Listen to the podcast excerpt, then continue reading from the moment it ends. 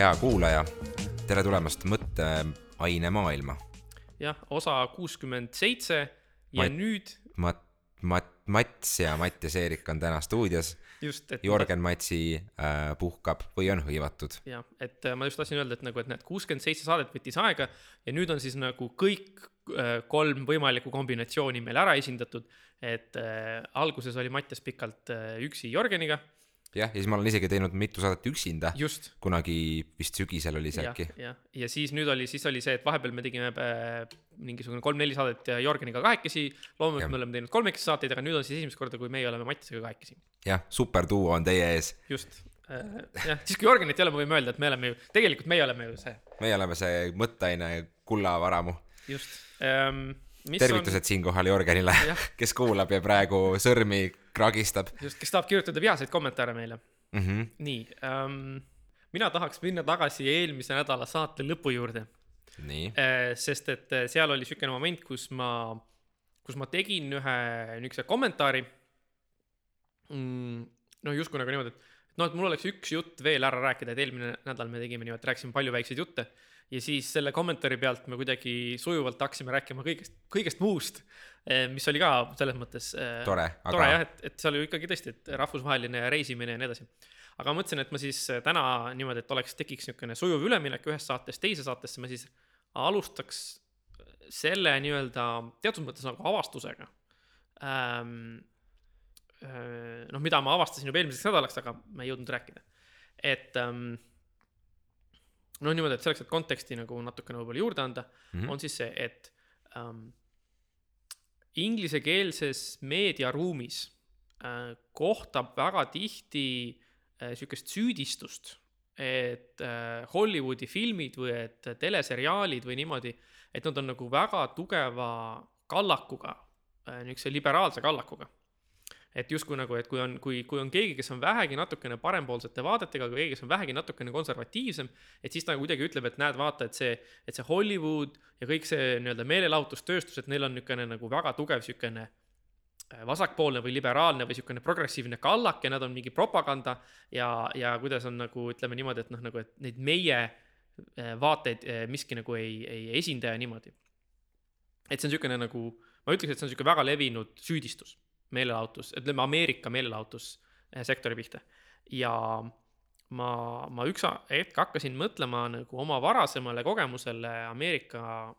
meediaga ja filmidega. ja ma tabasin ära selle, et enne seda, kui ma teadsin,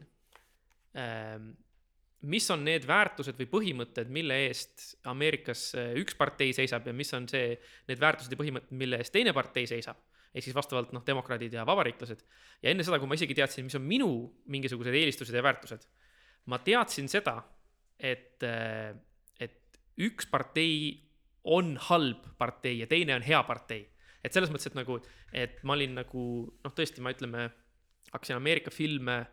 vaatama noh, umbes niimoodi, et ma olin mingi võib-olla kuue-seitsme aastane on ju, seal üheksakümnendate alguses mm. -hmm. et ühesõnaga ma, ma filmidest sain selgelt aru, et filmid andsid mulle mõista, et, et Ameerikas on kaks parteid ja ühe partei inimesed ja ühe partei pooldajad on nagu need halvad ja vastikud inimesed ja teised on nagu need head. aga kas sa said aru ka, miks nad halvad või head on? ei, just, just., ja see oligi, see oli hästi see naljakas on, see fenomen, millega mina olen ka nagu jännis olnud. jah, et ühesõnaga see oli kuidagi naljakas, et oligi nagu see, et ma nagu, see oligi see, et ma, ma teadsin, et on kaks erakonda, aga ma ei teadnud, mille eest nad seisavad mm. -hmm. ja seetõttu mul oli ka väga raske nagu kuidagi ära ühendada neid kommentaare ja neid nalju, mida nende kulul tehti. Aga ma sain aru, et üks neist on halb ja noh, ütleme siis hiljem, kui ma ütleme nagu noh, kasvasin ja õppisin ja sain võib-olla natukene nagu paremini aru, eks, et mis on need nii-öelda need põhiväärtused, mille eest need erakonnad nagu seisavad või mis on nagu nende need niisugused poliitilised veendumused et siis ma nagu ühendasin ära, et ahaa, jaa, tõepoolest, nüüd ma saan aru, mis need naljad on ja kuidas see värk käib, on ju. ja, ja nagu niimoodi, et keda nad siis, need filmid nagu nendeks halbadeks tegelasteks kujutavad. ja see oli nagu selles mõttes, et äh, ma ütleks, et niisugune nagu avastus minu enda kohta, et see süüdistus on tegelikult äh, noh, teatud mõttes täiesti niisugune nagu aus süüdistus, sest et kui, kui laps saab aru, et ühte erakonda näidatakse selgelt halvana mm, -hmm. et siis äh, noh, see on niisugune nagu niisugune, ma ei teagi, noh. kuigi samas ongi see, et mingis mõttes, kui inimene teeb kunsti, siis noh, ta võib, tal ei ole nagu mingit, see ei ole nagu mingi ajakirjandus, millel on justkui nagu mingi kohustus olla, olla võrdne või aus. ei, absoluutselt, see on tegelikult äh, selle inimese, kes kunsti teeb või ütleme, kes filmi teeb, tema isiklik valik, mida ta esindab, milliseid punkte ta rõhutab, milliseid ajaloolisi fakte ta võib-olla väänab, võib-olla hoiab tõesena, et nii edasi, et Mm. see ongi tegelikult selle asja võlu ka, et keegi ei ole kohustatud raamatut kirjutama mingisugusel teemal nii, nagu tema seda so- noh, ei soovi, just, siis see oleks, see oleks väga, väga veider, kui oleks, kui oleks niisugune nagu või võrdse, tegelikult on olemas ka raamatud ilmselt, mis on kirjutatud mingisuguse, mingisuguse raskema äh, selle võib-olla režiimi all nii-öelda mis jah, natukene hoiab hirmul äkki. just, aga noh, selles mõttes, et nagu, et jällegi, kui nüüd äh, niimoodi veidikene noh, ma ei tea, fantaseerimine on halb sõna, sest fantaseerimine viitaks nagu sellele, et see on miski, mida me tahame, aga noh, niimoodi minna kaasa mõndade inimeste spekulatsioonide ja, ja hirmutistega, et siis ongi nagu see, et, et me võime end ühel hetkel justkui nagu leida maailmast, kus nagu võrdsuse eesmärgi nimel on ette sätestatud, et näed, et selleks, et kõiki osapooli peab võrdselt kohtlema, siis ongi niimoodi, et, et kui sa kirjutad raamatut, siis on näiteks ette öeldud, et näed, sul peab olema seal nii palju nais- ja meestegelasi ja siis, et kui sa ikkagi äh,, sul on üks tegelane, et ig- iga teine raamat peab olema selline, kus nende vaadetega inimene on hea, iga teine raamat peab olema selline, kus nende vaadetega inimene on halb. et selles mõttes see oleks nagu ähm,, see oleks ju väga halb, kui nii oleks. jah, kusjuures rääkides sellest natukene lähtuvalt sellest teemast, siis eks ole, ajakirjanikel on, eks ole, niisugune etikett või koodeks, mida nad peavad jälgima, on ju. kõik oleme seda kuskil näinud. ja üks väga konkreetne saade, mis tihtipeale nagu peab sellel teemal äh, selgitusi andma, on näiteks üks tore saade TV3-s nimega Kuuuurija, mida juhib äh, Katrin Lust ja mm -hmm. mulle see saade väga meeldib. Ma arvan, et, et Katrin Lust teeb suurepärast tööd ja ta toob välja lugusid, toob inimesteni lugusid, mis, mis muidu võib-olla ei saaks kas abi või tähelepanu või, või ühesõnaga, ma olen palju kuulnud inimestelt, et neile ei meeldi miskipärast see, kas see inimene või see saade, aga minu, minule väga meeldib. aga tihtipeale ma nagu näen seal saadet vaadates, et nad peavad vahele panema mingisuguse segmendi, kus nad nagu räägivad, et kolmanda novembri saates me avaldasime sellise info ja tegelikult lähtuvalt sellest, et see ei ole nagu, et umbes kas see on vabandus või see on selgitus, et mm, nagu mm. ja seda tuleb palju, et äh, aga mina, Eh, see on uuriva ajakirjanduse üks probleem, eks ole, noh, nüüd läks täiesti teise kohta see jutt onju jaa,, aga, aga et see on võib-olla selline uuriva ajakirjanduse probleem, et kui sa mingisugust eh, juhtumit uurid ja sa ei saa selle saate valmimise või selle, ütleme siis teistmoodi jälle raamatu kirjutamise hetkel neid fakte teise osapoolega kontrollida või mingisuguse allikaga kinnitada, eks ole, sul on ka ju tähtajad ja ja võib-olla ka raamatu puhul, mõne loo puhul, et on öeldud pärast, et siin on mingi väärinfo ja nii edasi. et me tegelikult ei tea, et võib-olla see inimene, kes seda teost tegi, ei lihtsalt ei olnud nagu, tal ei olnud seda infot kätte saada võimalik kuidagi sellel perioodil, kui ta püüdis ja ta pidi selle nagu sisu kuidagi üle andma ja ta tegelikult tahaks väga faktuaalselt korrektse teose teha, aga nagu lihtsalt ütleme, ressursid on piiratud. ja, ja siis hiljem tuleb välja, et noh, näed, et see inimene kirjutab mingit umbluud või teeb mingisugust oma, oma maailma, eks ole, fantaasiat. et äh, mis ma tahan lihtsalt öelda, on see, et tuleb äh, võib-olla äh, suhtuda sellistesse teostesse või ka saadetesse või lugudesse, et sellise arusaava ja mõistva suhtumisega. Aga mis, ma, mina, ma ei ole seda saadet äh, kordagi näinud, mida sa mainisid, et äh, mis laadi lugusid nad seal teevad, et mis, mis laadi saade see nagu üldse on? seal on, see saade on selline, et äh, seal on, eks ole, see saatejuht äh, Katrin, kes äh,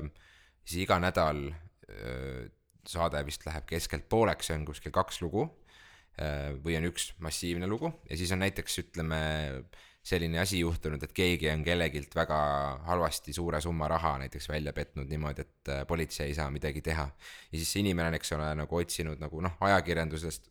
sellist meedia kättemaksu võib-olla või mitte ka kättemaksu, aga just nagu õigeksmõistmist. siis tema läheb, teeb selle loo nagu kõigepealt intervjuu vormis lahti ekraanil ja siis ta läheb ja otsib, otsib tavaliselt üles selle süüdlase või selle probleemi põhjustaja ja seal mingid kõrvalinimesed, kes on seotud sellega või ettevõtted, intervjueerib need läbi ja püüab siis selgusele saada ja siis anda selle, selle kohta nagu noh, Eesti rahvale siis nii-öelda infot ja mina olen küll päris mitmest saatest nagu näinud, et et ahaa, et need inimesed on kas petised või, või on midagi väga halba teinud, on ju, et nagu jumala eest, ma tean, et nende inimestega kunagi mina nagu tegemist teha ei tahaks, et nii, aga sam-, ja samas on see, et nagu, et aeg-ajalt tulevad mingisugused täiendused ja parandused, no aga nagu seda on, seda on tulnud näiteks niimoodi, et, et äh, jah, ma nüüd ei mäletagi tegelikult mingit kindlat asja, aga kui ma ei eksi, siis seal oli mingisugune Delfi ajakirjanik, kes oli teinud mingisuguse artikli, mis oli nagu ühepoolne siis nad süüdistasid teda selles ja siis pärast nad pidid nagu vabandama, et nad ei vist äh, kuidagi ilma temaga konsulteerimata süüdistasid teda selles, et nad ei püüdnud või, või, või ta ei andnud neile vastuseid Mhm, piisavalt või no mingisugune segadus oli et mi- tegelikult noh, selles mõttes selline nagu pigem on see nagu formaalsus, kui et see peaks olema ilmtingimata ka nüüd nagu tõsi, et, et nemad eksivad, et see on, see on mingisugune ei, no- jälgimine. selles mõttes, et tõesti jah, et nagu, et see on hästi huvitav siukene, et ma, ma kuulasin ühte teist podcast'i, kus siis, kus siis äh, inimeste kavatsus oli äh, rääkida Ameerikas siis nagu selles äh, pesapalli kõrgliigas ja pesapalliga seotud probleemide najal. MLB vist on see. jah, MLB vist on tõesti jah, ML, MLB jah. selle najal tahtsid rääkida siis nii-öelda nagu, et need oleks illustratsioon kogu Ameerika ühiskonna probleemidest. Hmm. Äh, ja siis seal oli üks asi, mida nad siis arutasid, oli niisugune nagu siis institutsionaalne või kuidagi niisugune nagu noh, süsteemidesse sisse ehitatud rassism ja siis noh, pesapallis väljendub see nagu niisuguste teatud laadi äh, vanade ja rassistlike alg- äh,, aldo-, alatoonidega siis meeskonna logode ja nimedega. ja siis mulle väga meeldis sealt siuke lugu, kus oli see, et, et üks inimene siis nagu illustreeris seda ja siis ta nagu ütles, et näed, et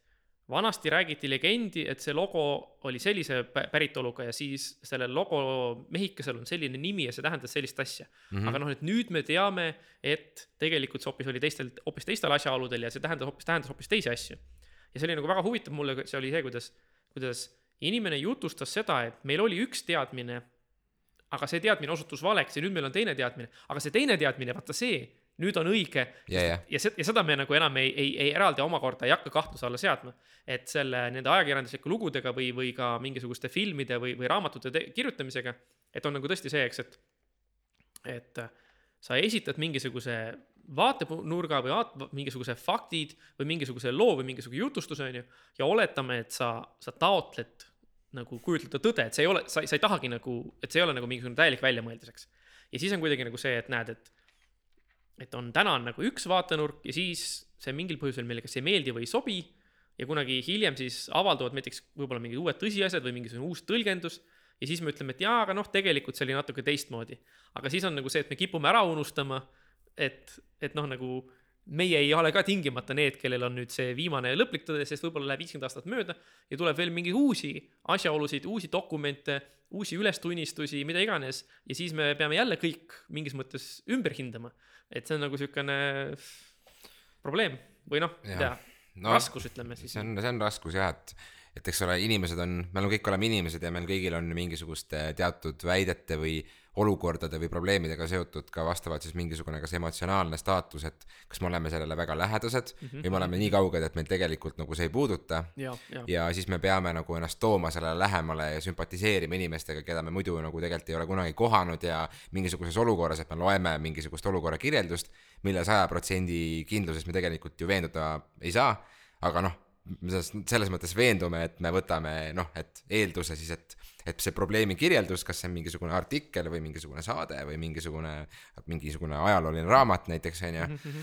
et me nagu usaldame seda allikat ja siis me saame selle info kätte arvestame, et ahah, ma teen omad järeldused, ma mõtlen sellest asjast, võib-olla ma räägin sellest kuskil podcast'is onju. ja siis umbes viisteist aastat hiljem tuleb välja, et tegelikult noh, seal oli ikka mingi meeletu vale ja onju, ma tollel hetkel juba veen-, veendusin ja kujundasin oma arvamuse ja nüüd ma nagu okei okay,, et ähm, jah, see on täpselt Et- nagu, täpselt nagu mina siin rääkisin sellest äh, saksa keel oleks peaaegu saanud Ameerika riigikeeleks, aga tegelikult hiljem tuli välja, eks, et see oli mingisugune, mingisugune jutt, mida mulle räägiti kui tõde, aga siis hiljem selgus, eks, et äh, tegelikult see see oli vist ainult mingi hetkeline jah, et see oli no, hoopis, hoopis teine nagu nii-öelda asi oli see jah. jah, et äh, se- selles mõttes, mida, mida mina nagu tänapäeva keskkonnas selles, kus telefon vibreerib iga kahekümne sekundi tagant või ekraan vilgub iga minuti tagant, eks ole, ja sul on äh, Facebooki feed ja sul on Instagrami feed ja sul on Twitteri feed ja sul on Delfi ja sul on Postimees ja sul on äh, ma ei tea, Wise ja sul on Reddit, jah, sul on Reddit ja sul on äh, sul on Gmail ja sul on erinevad uudiskirjad ja sul on erinevad pakkumised ja nagu sa lähed täiesti hulluks sellest informatsioonist, mida sulle nagu, mis sulle nagu vastu tuleb. ja kui sa ei ole võimeline seda filtreerima, eks ole, ja sa ei ole võimeline sellest nagu eemale astuma ja vaatama seda väga nagu kaine pilguga, siis teinekord ongi raske ka see, et, et nüüd ütleme, et ma olen täna kaks tundi tarbinud mingisugust meediat ja mu pea on igasugust infot täis ja nüüd on olukord, kus ma pean olema kaine mõistusega range ja siin ja nüüd ja tegelikult mul on raske seda teha, sest et mu pea on juba väga väsinud erinevatest värvidest ja erinevatest kirjudest olukordadest, eks ole. et, et seetõttu ka on väga keerukas nagu küsida näiteks, noh, minule on helistatud näiteks ajakirjandust ja küsitud minu tööga seoses, et küsime kommentaari selle mingisugune, ütleme, et kui on mingi turva, turva mingisugune probleem kuskil mm -hmm. veebis et küsitakse kommentaari, eks ole. aga samal ajal ma olen nagu kaks tundi olnud täiesti mingi teise ülesande peal ja see kõne tuleb mulle peale ja nüüd ma pean järsku nagu olema siin ja rääkima väga hästi läbimõeldud, sest see läheb kuskile kirja, eks ole, ja minu nimi on seal all ja minu ettevõtte nimi on seal juures. et noh, sellised hetked nagu need on need, mis võivad tekitada pärast, et noh, et oh, ma oleks võinud tegelikult seda öelda või ma oleks võinud hoopis teisiti öelda. ja, ja ongi ju see, et kui sa sel hetkel teed mingisuguse väikse vea, on ju, mhm. siis on nagu see, et kõik need inimesed, kes seda infot näevad ja loevad kas nemad vaatavad, aa näe, vaata, mis see Mattias Eerik yeah. ütles, eks. aa, nii järelikult ongi või et vaata, milline jobu ta on või mida iganes, on ju. ja isegi siis, kui kunagi hiljem mingi parandus ilmub, siis seda enam. siis enam need inimesed, kes seda ütlesid, ei näe, sest et ja. nemad on juba edasi liikunud. ja nemad või... teavad, et see, info on olemas ja see on, ja see enam nagu nende jaoks kahtluse alla ei lähe. ja võimalik on ka tegelikult see, et nad isegi näevad seda parandust, aga nad on juba niivõrd veendunud oma arvamuses sinust, et nad ei hakka seda muutma selle põhjal, vaid nad ütlevad, ah, ta on nagunii mingisugune loll ja noh vahet ei ole, on ju. jah, mul on kusjuures sellega seoses näiteks üks äh, niisugune äh, noh, niisugune isikliku ajaloost niisugune nagu sihuke lugu rääkida, mis äh, ühesõnaga oli niimoodi, et kunagi, kui ma olin hästi noor ähm,, ma sain üheksandas klassis olles äh, ühe niisuguse auhinna, mida andis välja Pärnu linn nagu siis iga aasta ühele üheksanda klassi inimesele õpilasele Pärnu linnakoolide peale. Ehm, ja siis äh, oli niisugune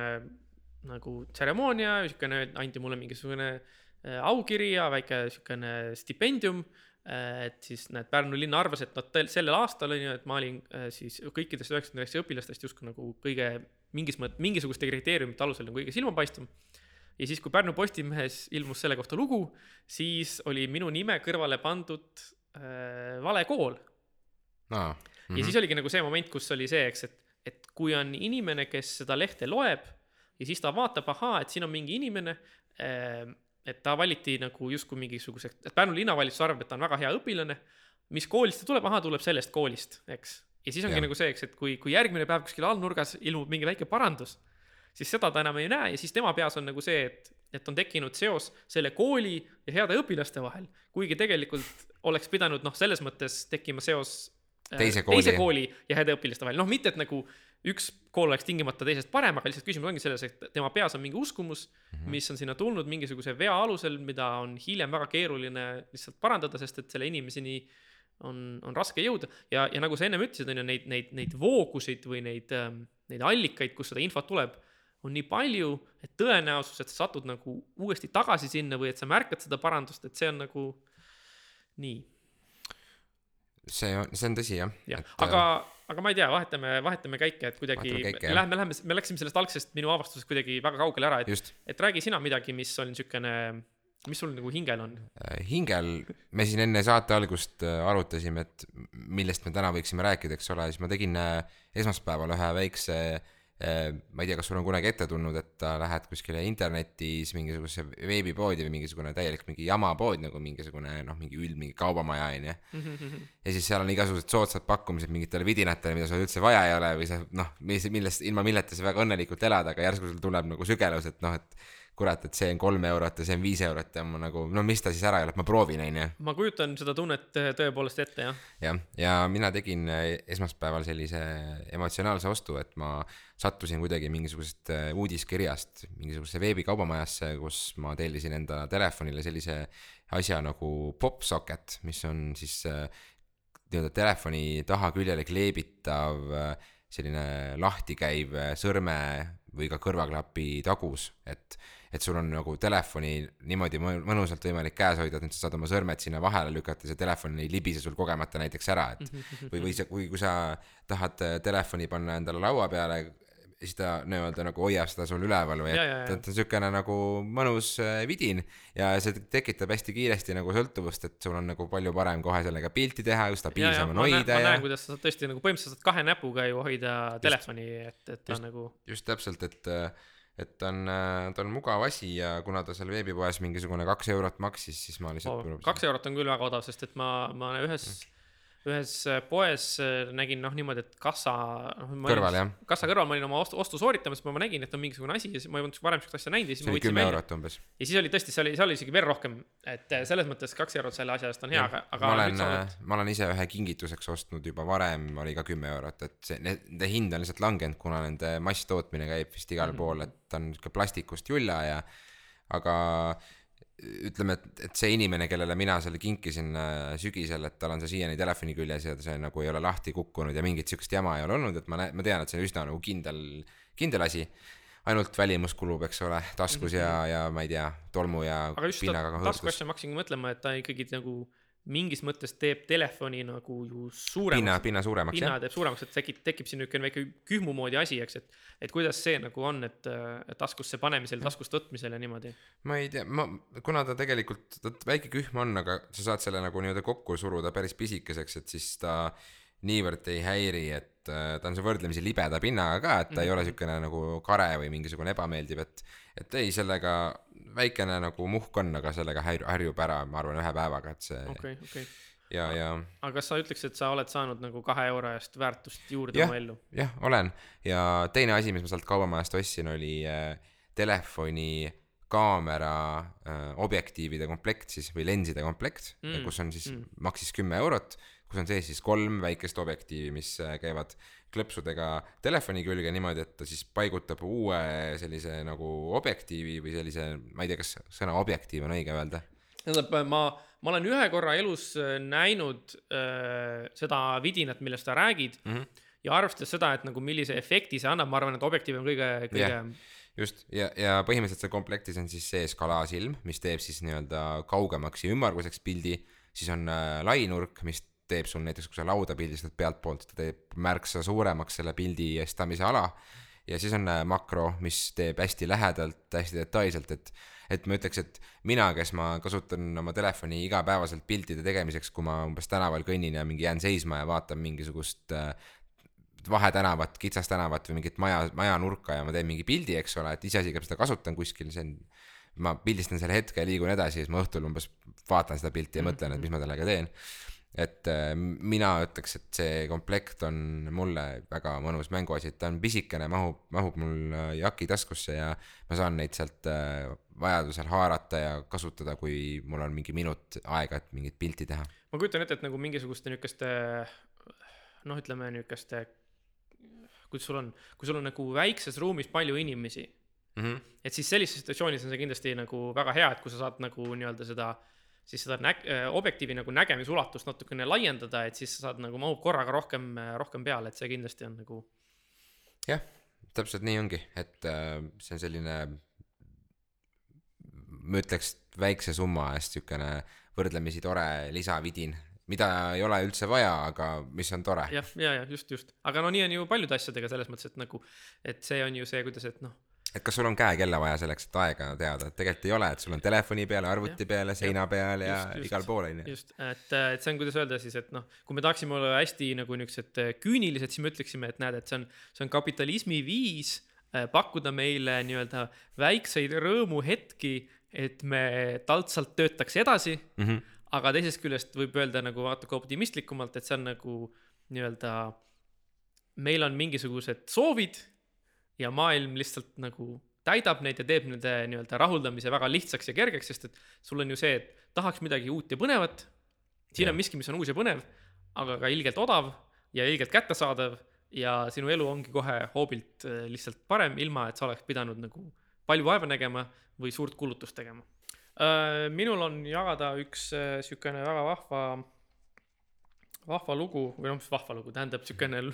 lugu, mida, mille, mida, kui ma kuulsin, siis ma olin niimoodi, et et oled sa kindel, et see nii on? Ja siis, kui ma guugeldasin selle kohta midagi, siis ma leidsin ühe, ühe veebilehe, mis nagu seda, seda lugu kajastas, aga kuna see oli mingi minu jaoks võõras väljaanne, siis ma kahtlustasin, et äkki see on mingi väljamõeldud lugu, siis ma pidin otsima nii kaua, kuni ma leidsin mõne sellise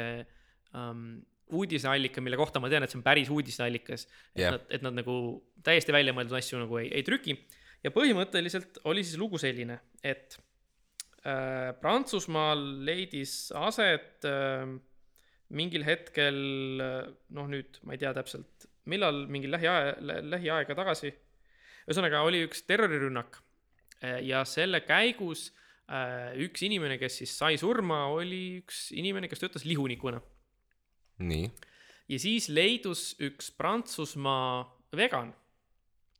kes äh, kirjutas ähm, äh, ühes ähm, äh, ühesõnaga ühes ma kardan juba, et ma aiman ära, mis seal taga on. ühes, ühes sõnavõtus siis nagu ühesõnaga ütles, eks, et ähm, nii, ma vaatan, kas ma leian, ahaa, nii. et ma nüüd tõlgin nagu nii-öelda inglise keelest jooksvalt mm,. nii et äh, kuidas on siis, et te olete, et miks, miks te olete šokeeritud, et mõrvar on, tapeti terroristi poolt. Äh, mina küll ei ole. mul on, mul ei ole absoluutselt mitte mingisugust kaastunnet mm -hmm. selle, selle ohvri vastu äh,. aga seal on teatud nagu määral õiglust. nii et ühesõnaga, vegan ütles, et tal ei ole kahju või ta, ta ei tunne kaasa et see inimene, kes terrorirünnakus surma sai, äh, oli äh, lihunik. ja tuleb välja, et äh, Prantsusmaal on ähm, üks niisugune seadus, mis, mis siis, või niisugune paragrahv ühesõnaga, mis siis ütleme, on siis põhimõtteliselt nagu terrorismi heakskiitmine või terrorismi nagu jah, mingisugune terrorismile oma heakskiidu andmine Äh, mis selle, mis selle nimi on või kuidas seda äh,? no selles mõttes, et inglise keeles, inglise keeles siin kirjutatakse condoning terrorism. et condone on nagu heaks kiitma. jah, jah, no selle pooldamine või selles mõttes selle ka, kaitsmine. just, äh, ja siis selle paragrahvi all äh, võeti inimene vastutusele ja teoorias ta oleks võinud saada kuni viis aastat. aga ta sai, ta sai mitu kuud, ta sai vist, ta sai vist paar ta vist umbes üheksa või seitse kuud, ahah mm, -hmm. sai nagu nii-öelda siis seda mm, tingimisi karistust. et ühesõnaga ta, ta tegelikult küll vangi ei läinud, eks, aga see tähendab seda, et ükskõik millal, ükskõik kus tekib kahtlus, on ju, et ta on nagu midagigi, äh, või ühesõnaga, kui ta nagu nii-öelda seadust millegagi rikub, siis ta läheb kohe põmm hoobilt vanglasse, eks. ja pluss on loomulikult see, eks, et ta on süüdi mõistetud inimene elu lõpuni, nii et kui millal iganes küsitakse, kas te olete kunagi kuriteos süüdi mõistetud, siis ta peab ütlema, et ma olen et, et siis sihuke asi juhtus nagu äh, Prantsusmaal, mis on nagu, et ähm, kui nagu, kui ainult seda esimest poolt kuulata ja mõelda, et nagu, et inimene ütleb, et ta ei tunne kaasa, et, äh, et lihunik tapeti terroristi poolt, siis on nagu see, et aga miks sa seda ütled, ma saan aru, et sa seda tunned mm, -hmm. aga miks sa pead seda nagu ütlema, aga okei okay,, sa ütlesid seda ja siis nüüd nagu võetakse inimene vastutusele, siis on nagu see, et mis, miks nagu ja siis, et noh, nagu ja ta mõistetakse ka reaalselt süüdi et see on nagu natukene mul niimoodi, et ma ei ole päris kindel, et ma mõistan, miks need inimesed, kes on asjaga seotud, tegutsesid nii, nagu nad, nad tegutsesid. nii et tõepoolest WTF mm. nagu. seal on äh, mitu mõtet, mis mul hakkas peas jooksma, kui sa siin rääkisid, et kõigepealt, eks ole, inimene, inimese lollust ei ole võimalik kunagi alahinnata, pigem äh, on alati nagu võimalik rohkem, rohkem ülespoole minna, on ju, et äh, et mõnes mõttes nagu oleks meie poolt siis või ütleme siis ülejäänud maailma poolt väga halb, kui me näiteks võtame keegi, kes on, ütleme, vegan ja, ja ütleme, et see on nüüd veganlaste mingisugune lollus, et tegelikult ei ole, eks ole. et see on täpselt sama probleem, kui tema ütleb, et, et see inimene lihunik, et nagu kõik siis nagu lihasööjad ja inimesed, kes on kunagi umbes, ma ei tea, kalal käinud või ma, ma ei tea, on nagu selles mõttes nagu, eks ole, väärt seda, et nad lähevad põrgusse või mis iganes. või et neid tapetakse terroristi poolt. no just, just., et, et see on ikkagi selle inimese individuaalne lollus, küll aga kas äh, Äh, ütleme, et see avaldus ei ole mitte midagi erinevat näiteks meil siin Postimehe veergudel äh, kommentaariumist, kus inimesed ütlevad veel julmemalt äh, nimepidi ja ja sõimavad inimesi siin litsideks ja sõimavad inimesi idiootideks ja ma ei tea, et nad väärivad mingisugust oma kohu ja oma kohust ja mingisugust, ma ei tea, mida, et, et selles mõttes ka päris nagu selle eest mingisugune karistus määrata on noh, ka omamoodi huvitav äärmus, et On. on. seal on mitu WTF-i sees. aga kui sa nüüd mõtled selle peale, et ühesõnaga noh, tõesti võtame nagu ütleme need kujutletavad, sest noh, tähendab nii palju, kui mina olen nagu interneti kommentaariumis, kas siis Postimehes või ERR-is äh, ja mõnevõrra ka Delfis nagu ringi vaadanud, siis tõesti on see, et aeg-ajalt leidub seal siiski ka nagu noh, vähemalt mingis mõttes sisukamaid kommentaare või vähemalt nagu niisuguseid kommentaare, mis noh, nagu ei ole sellised äh, ainult isikut ründavad alusetut sõimu täis noh, siuksed on ju vihapurskad, eks. Mm -hmm. aga noh, seal siiski leidub ka neid halbu kommentaare nii ja nüüd nagu ma ei tea, ma küsin sinult, et, nagu kas maailm ei oleks mitte parem koht, kui meil sedalaadi kommentaare ei oleks? ma arvan, et, ma arvan, et oleks parem koht, aga ma, ma ma hakkan, ma hakkan kohe mõtlema sellele, et kui need inimesed, kes neid kommentaare ei saa enam öelda neid kommentaare, et kuhu nad selle emotsioonis võivad suunata, et mis see järgmine Just, valik on just, siis, et kas just. see on see, et ma lähen löön enda naist, kes ke- teeb köögis mulle ja lastele süüa või ma lähen löön jalaga enda koera või Jah. lähen, lähen löön ennast. ja, ja ei, selles mõttes tõesti, et nagu, et ma, ma olen nagu nõus, eks, et nagu sa mingis mõttes mõtled selle peale, et see, et maailm oleks parem, kui neid ei oleks, aga siis, kui sa hakkad mõtlema selle peale, et mis oleks nagu need praktilised mm -hmm. tulemid, kui me lihtsalt pelgalt selle kommenteerimisega ära keelaks või, või karmistaks nagu mingisuguseid karistusi, et siis noh, et mida inimesed siis peale hakkaksid, sest noh, tegelikult mida me ju tahame, ei ole mitte maailm, kus ei ole neid kommentaare, vaid me tahaksime maailma, kus inimesed, kes neid kommentaare kirjutavad, ei mõtleks nii, nagu nad mõtlevad et noh, selles mõttes, et noh, nagu nad oleks kuidagi nagu rahumeelsemad ja nad ei oleks nii, nii pahased ja nii ründavad, eks. aga noh, seda, seda karistustega me, me ei saavuta, me ei saa inimesi kuidagi sundida olema heatahtlikumad, et see, see ei ole nagu, just, et äh, praegusel ajal, kus äh, Twitter on äh, täis noh, nii-öelda mürki, kui keegi mingisuguse uudise avaldab, siis, siis sealt tuleb kohe mingisugune kümme vastureaktsiooni. Ja sellised, sellist võib-olla isegi, mis nii-öelda nagu tekitab inimestes palju pahameelt. Ja äh, vaadates näiteks äh, Ricky Gervaisi kõige uuemat stand-up spetsialit, mille, mille nimi on vist äh, Humanity jah, jah, Humanity just. Äh, et seal käsitletakse seda, seda probleemi nagu väga, väga hästi, et Riki teeb sellest nagu suurepärase mm, nii-öelda loo kõigile, kes, kes teavad või ei tea tema öö, aktiivsust sotsiaalmeedias ja ta räägib noh, selle etenduse vältel siis erinevaid nagu Twitteri vastuseid analüüsib ja, ja ja sealt on kohe näha seda, kuidas inimesed nagu, kes tahavad ära panna, kes toetavad, noh, neid, neist ei ole mõtet rääkida, kes räägivad midagi arukat sulle vastu, et need, see on nagu, see on küll eh, võib-olla haruldasem, aga see ei ole võib-olla niivõrd nagu meelelahutuslik. ma tahtsin öelda seda, et äh, ma sinu soovituse peale vaatasin ka seda Ricky Gervaisi äh, Netflixi seda Humanity seda sarja või seda, seda seda e- esinemist ja ma olin natukene skeptiline alguses, sest et äh, mulle Ricky Gervaisi, ütleme nagu need muu looming pigem nagu meeldib. aga ma mäletan, et kui sa eelmine kord soovitasid äh, ühte stand-up'i, kui oli siis see Dave Chappelle, Dave Chappelle just, siis äh, see ei olnud minu meelest nii hea. aga mm. -hmm. aga see Ricky oma oli tõesti nagu selles mõttes, eks, et ta, ta suutis panna mind nagu mitu korda kõva häälega naerma, pluss ta suutis nagu tegelikult nii-öelda jällegi, kui me tuleme tagasi selle loomingus oma mingisuguse seisukoha esindamise juurde, ta suutis tegelikult nagu noh, nagu esitada täiesti teemakohaseid ja nagu mõistlikke niisuguseid Argumente. no, argumente mingisuguste vaadete poolt või mingite vaadete vastu, on ju. ja nagu ütleme noh, üks hästi oluline asi on ju tõesti see, eks, et eristada ikkagi seda, et mis on nagu huumor, mis on äh, mis on nagu meelelahutus, on ju, ja mis, mis on selle huumori funktsioon versus siis see, eks, et sa nagu nüüd lähed ja ründad mingisuguseid inimesi, eks, et noh, loomulikult need asjad võivad osaliselt kattuda, aga siiski me peaksime natukene olema nii-öelda, olema võimelisemad neid, neid, neid erinevusi nagu teha, et ähm, et noh, mingis mõttes võiks öelda kuidagi ka isegi võib-olla sedasi, eks, et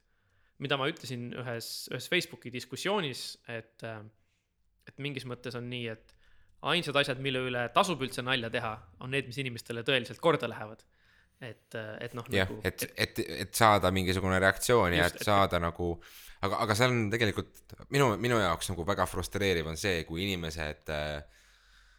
oh, seda on vist palju eeldatud, aga ma väga sooviksin, et kõik inimesed võtaksid äh, asju nagu huumoriga või noh, vähemalt siukse kerge ellusuhtumisega, isegi nagu mingeid tragöödiaid. ma saan aru, et seal on kuskil on piir, kus me nagu ei tee nalja inimese surma üle teinekord, aga me saame teha selle sündmuse üle nagu hea, hea tahtega siis mingisuguse humoorika võib-olla nalja, mis mis ei tee selles mõttes selle, seda, seda sündmust kuidagi vähem tähtsamaks või ei tee seda labaseks, vaid lihtsalt me pakume nagu selles elukeerises, mis on tihtipeale dramaatiline ja tõsine, mingisuguse väikse vahepala, mis teeb kõigile selle olukorra natukene lihtsamini seeditavaks võib-olla. aga, aga see minu meelest Ricky Gervais on see mees, kes suudab ideaalselt seda äh, tänapäeva sellist äh, sotsiaalmeedia olustikku nagu ära kasutada selleks, et saada inimestelt igasuguseid reaktsioone. Ja muidugi äh, kuna tal on noh, miljoneid võib-olla jälgijaid, siis on seda ka lihtsam saada, et sa teed mingisuguse väikse provokatiivse avalduse ja siis tuleb sul nagu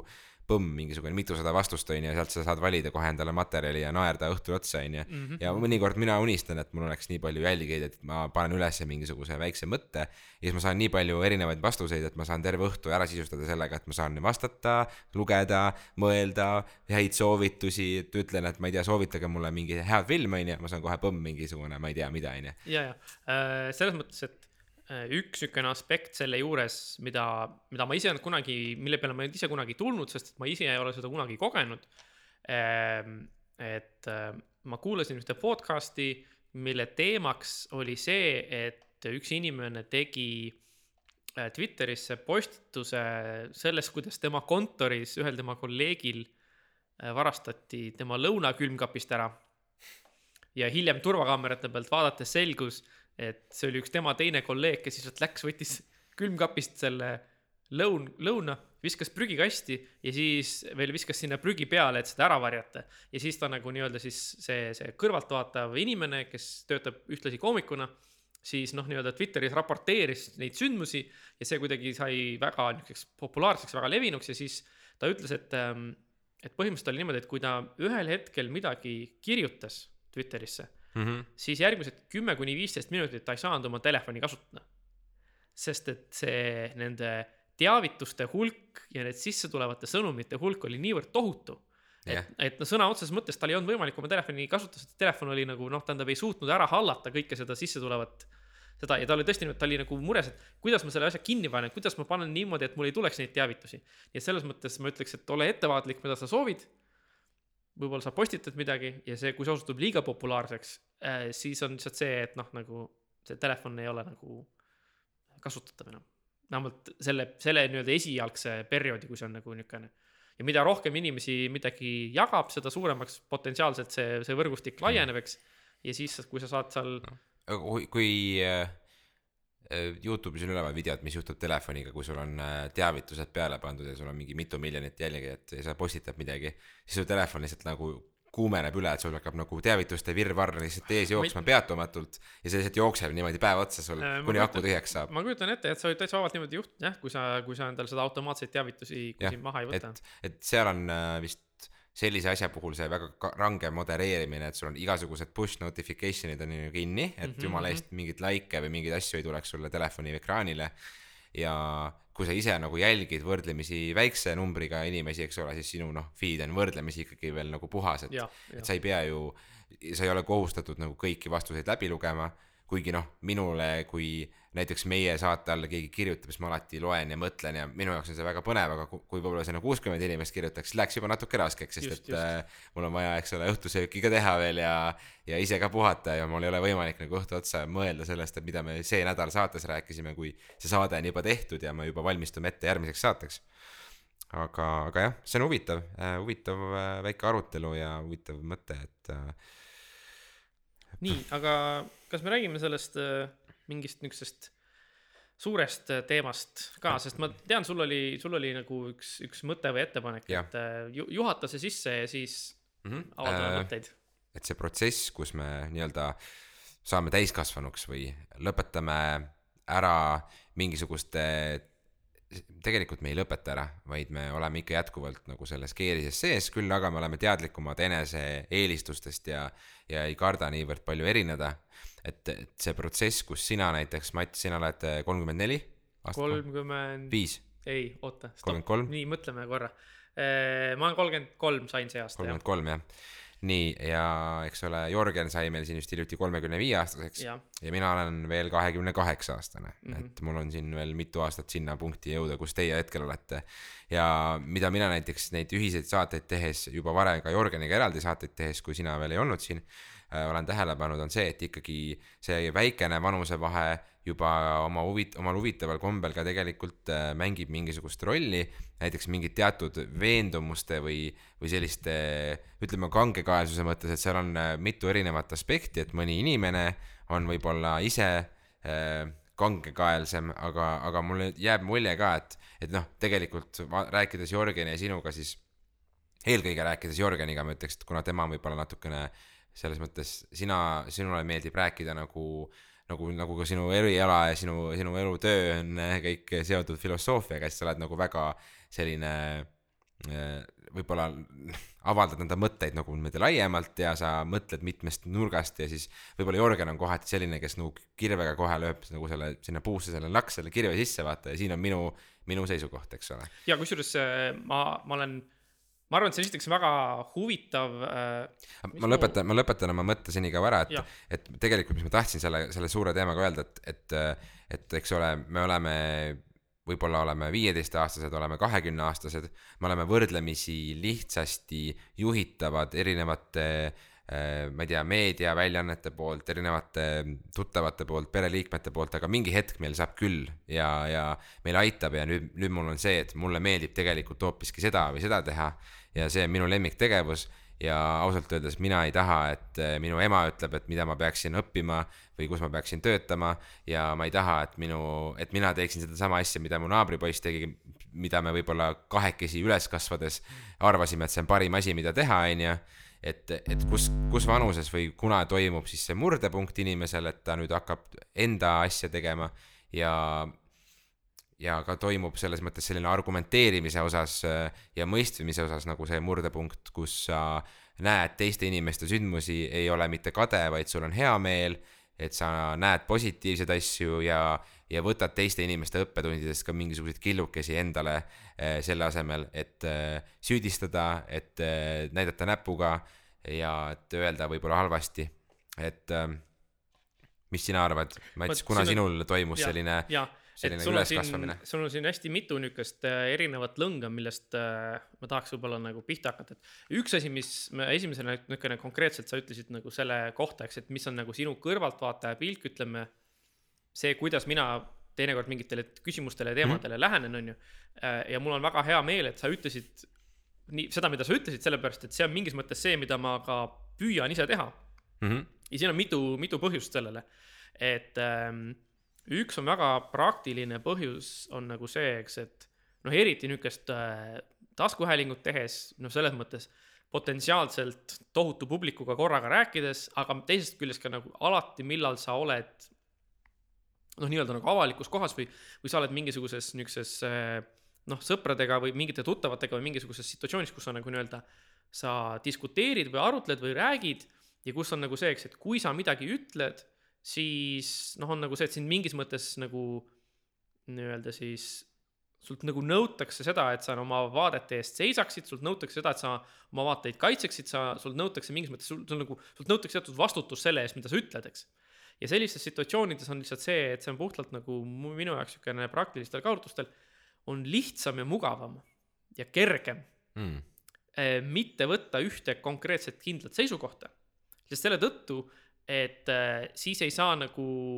sest noh, muidu on nagu see, et kui ma, kui, kui ma ütlen siin saates näiteks, et näed, et mina arvan, et nii on õige ja nii on hea, et siis on nagu see, eks, et noh, millal iganes, kus iganes keegi saab tulla ja näidata mulle, mängida seda klippi, öelda, et no näe, Mats, sa ütlesid seda, et eh, nüüd nagu põhjenda seda või et kas sa oled seda asja kaalunud, on ju. ja mingis mõttes ma nagu teen oma elu lihtsamaks sellega, kui ma ei, ei võta nagu seda ühte seisukohta. Ja selles mõttes siis nagu ja see, see mingis mõttes nagu nõuab minult seda, et ma nagu mingis mõttes siis nagu noh, räägiks nagu erinevatest vaatepunktidest, erinevatest pooltest, lihtsalt see on nagu niisugune, et noh, ega ma alati ju näiteks noh, loengus seda ma väga, väga tihti teen, et see on see, et ma loengutes tihti ja seminarides nagu ma esitlen ja kaitsen positsioone, mida ma ise tegelikult ei usu, aga lihtsalt selleks, et noh, nagu nii-öelda nagu kas siis sundida oma tudengeid mõtlema või siis, et noh, avada nende silmi, on ju, et ähm, ja no ütleme ka niisuguses ähm, noh, ma olin üks paar kuud tagasi, ma olin ühel, ühel peol, kus oli nagu palju äh, niisuguseid aktiivseid ja arvamustega inimesi ja siis seal võeti ka erinevad teemad läbi, alates sellest tselluloositehasest kui lõpetades äh, muude probleemidega Tartu linnas, eks. siis oli nagu mingis mõttes oli see, eks, et noh, nagu, et mul on lihtsam lihtsalt nagu kas küsida mingeid küsimusi või esitada nagu mingisuguseid, kas sa oled seda kaalunud ilma võtmata seisukohta lihtsalt selle tõttu, et, et äh, noh, siis sa ei pea nagu, kui sa ei seo ennast mingi seisukohaga, siis sa ei, sa ei pea seda nagu ka äh, kaitsma ja, ja kuidagi noh, nii-öelda nagu selle eest seisma. et see on lihtsalt nagu selgitus selleks, miks ma tihti eelistan seda teha. aga üks asi, mis ähm, vaata siin ma korraks toon paralleeli, kuna. Jorgenit täna siin ei ole, onju, mhm. siis äh, tuua, tuues tagasi korraks selle Jorgeni näite, mis ma ütlesin, siis tegelikult see, ma ütleks, et see tõlgendub väga hästi tema iseloomust, et näiteks kui ütleme, et Jorgen, kes on, äh, kes on äh, vabavõitlussportlane, eks ole, mhm. kellele meeldib rünnata ja olla kokkupuutes ja olla nagu äh, et nii-öelda nagu selle noh, mõtteni, selle punktini, et inglise keeles on selline väljend nagu to the point, eks ole mm. -hmm. et võib-olla tema selline nagu ellusuhtumine ja maailmavaade tihtipeale on ka see, et tegelikult ta on väga äh, ütleks salliv ja tolerantne inimene minu meelest mm. -hmm. aga Kahtlemata. samas, samas ta mõnikord ka väljendab enda mõtteid ja, ja selliseid punkte väga konkreetselt, väga tema nurga alt ja tema meelest ongi nii, eks ole. ja see ka tegelikult noh, nagu sina, kes sa oled äh, õppinud, võib-olla läbi mõtlema teiste inimeste mõtteid ja seisukohti ka rohkem. Võib-olla oled kujundanud enda maailma nii-öelda käsitlemise viisi ka siis sedasi, et, et mina samamoodi olen